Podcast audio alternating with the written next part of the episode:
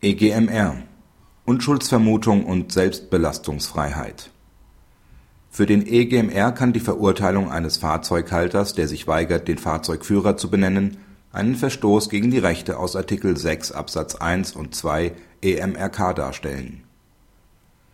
Der Beschwerdeführer war vom Unabhängigen Verwaltungssenat Steiermark in Österreich wegen Überschreitung der zulässigen Höchstgeschwindigkeit mit einem Kfz zu einer Geldbuße verurteilt worden der Beschwerdeführer war Halter des Fahrzeugs und hatte sich geweigert, den Fahrer zu benennen.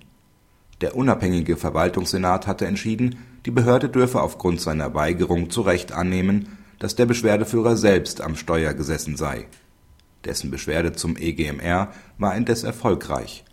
Die Straßburger Richter sahen in seiner Verurteilung einen Verstoß gegen das Recht auf ein faires Verfahren nach Artikel 6 Absatz 1 EMRK und die Unschuldsvermutung nach Artikel 6 Absatz 2 EMRK.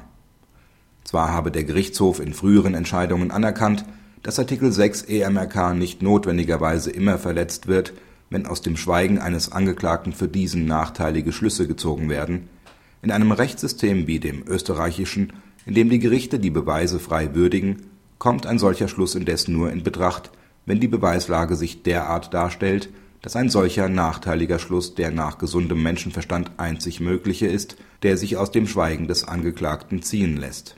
Ebenso sei es grundsätzlich zulässig, dem Fahrzeughalter unter Androhung einer Geldbuße aufzugeben, den Fahrer des Fahrzeugs zu benennen.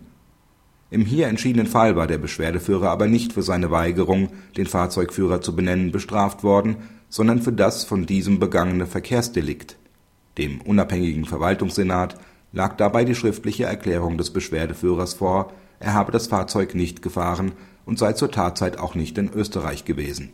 Angesichts dieser Beweislage war aber der Schluss, dass der Beschwerdeführer selbst das Fahrzeug gefahren hatte, keineswegs zwingend. Hinzu kam, dass der unabhängige Verwaltungssenat nur auf Antrag des Beschwerdeführers eine mündliche Verhandlung durchgeführt hätte nach Ansicht des EGMR wäre eine solche aber schon von Amts wegen unbedingt erforderlich gewesen, um sich ein Bild von der Glaubwürdigkeit des Beschwerdeführers machen zu können.